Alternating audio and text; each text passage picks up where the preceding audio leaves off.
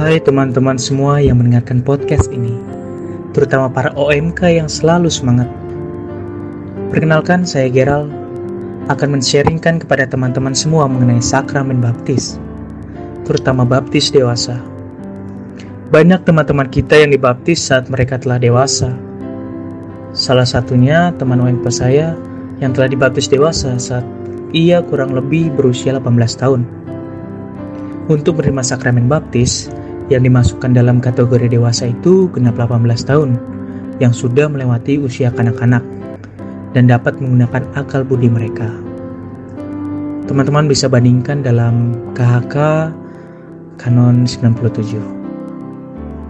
Sebelumnya, saya telah berbincang-bincang dengan teman saya ini, dan sudah seizin beliau untuk saya bawakan dalam pembahasan podcast kali ini.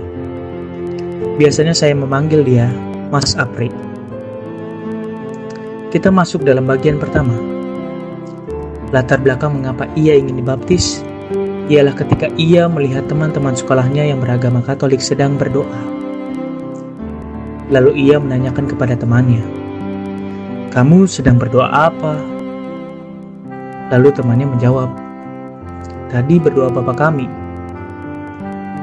Lalu Mas Apri terheran-heran melihat teman-temannya berdoa dengan khusyuk.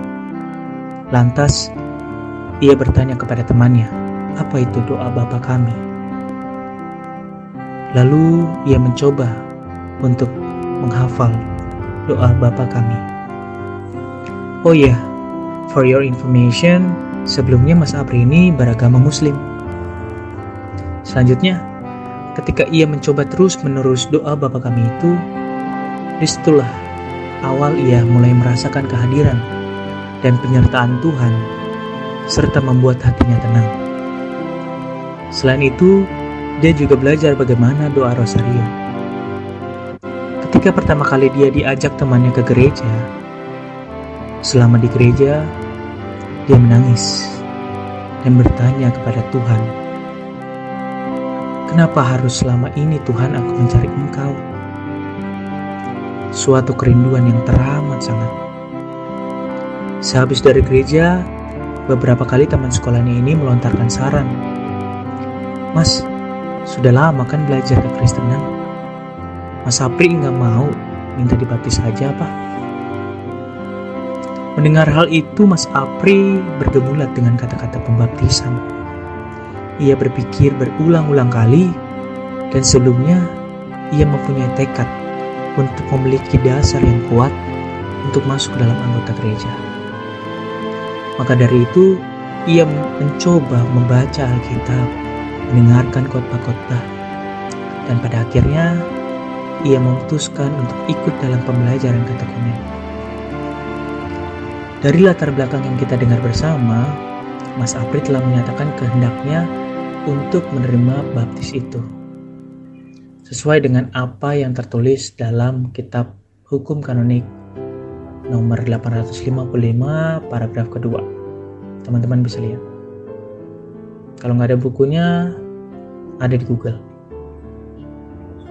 Selanjutnya kita masuk dalam pembahasan bagaimana tahap-tahap pembelajaran selama katekumen, terutama para calon baptis dewasa seperti Mas Apri Pertama kita harus mendaftarkan diri untuk mengikuti pembelajaran katekumen.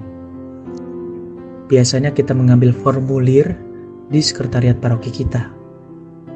Dalam sharing Mas Apri, ia dibantu oleh Romo Heri selaku imam vikaris yang bertugas di Paroki Maria Bunda Segala Bangsa Kota Wisata.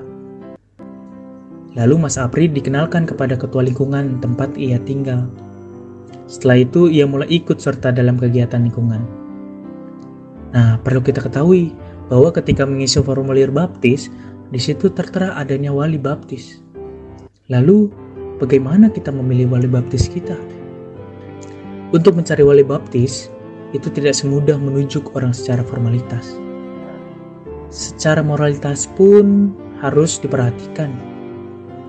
Wali baptis adalah orang yang mampu membimbing dan mendampingi pertumbuhan iman Para wali baptis dapat ditunjuk langsung oleh calon baptis sendiri sebagai baptisan dewasa atau orang tua calon baptis untuk baptisan ke anak-anak. Atau juga dapat ditunjuk oleh pastor paroki Nah, kebetulan Mas Sapri ini dibantu oleh Romo Heri dan Romo pun memilihkan Bapak Ketua lingkungannya sebagai wali baptisnya. Bila teman-teman ingin lebih lengkap mengenai para wali baptis, dapat melihat KHK Kanon 872 sampai 874. Selanjutnya, kita masuk dalam tahap-tahap katekumen. Di sini terdapat tiga tahap dan empat masa yang dilalui.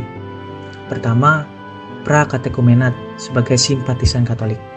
Di sini, para simpatisan Katolik diwawancarai tentang alasan dan latar belakang mereka mengapa tertarik dengan Katolik.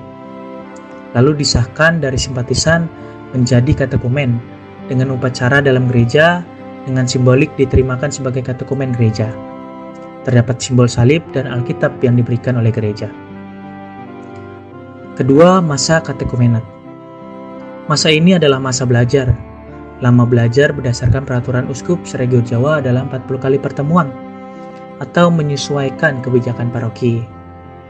Adapun maksud 40 kali pertemuan adalah agar iman seorang katekumen benar-benar matang dan benar-benar mengenali Kristus.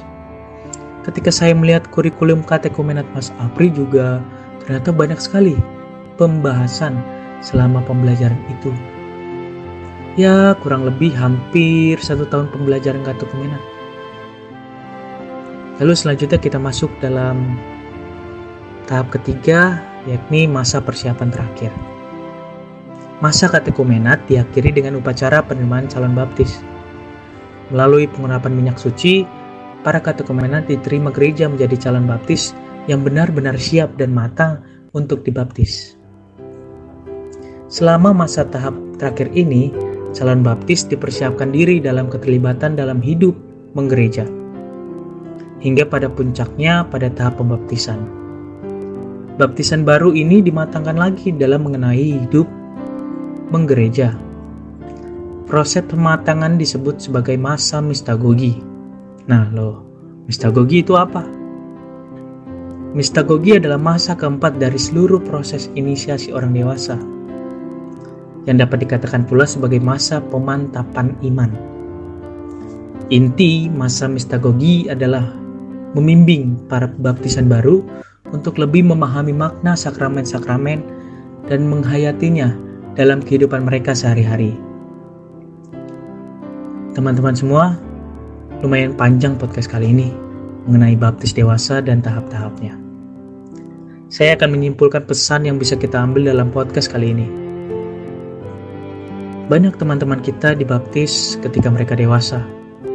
Bahkan Sebelumnya mereka telah beragama lain. Tetapi semangat mereka dan keteguhan mereka akan penghayatan iman Kristiani perlu kita teladani. Karena mereka melalui proses yang cukup lama untuk bisa bergabung bersama kita dalam komunitas gereja Katolik. Tetap semangat dan tetap memberi support kepada teman-teman kita. Ajak mereka aktif dalam gereja, sehingga kita semua pun dapat lebih dekat dengan Dia yakni Yesus Kristus sebagai penyelamat kita. Demikian podcast kali ini. Maaf bila ada salah-salah kata atau terbata-bata. Dan saya juga mengucapkan terima kasih banyak kepada teman-teman semua yang setia mendengarkan podcast ini sampai dengan selesai. Terlebih Mas Apri yang memperkenalkan pengalamannya yang bisa disaringkan dalam pembahasan podcast kali ini. Saya Gerald, see you and God bless.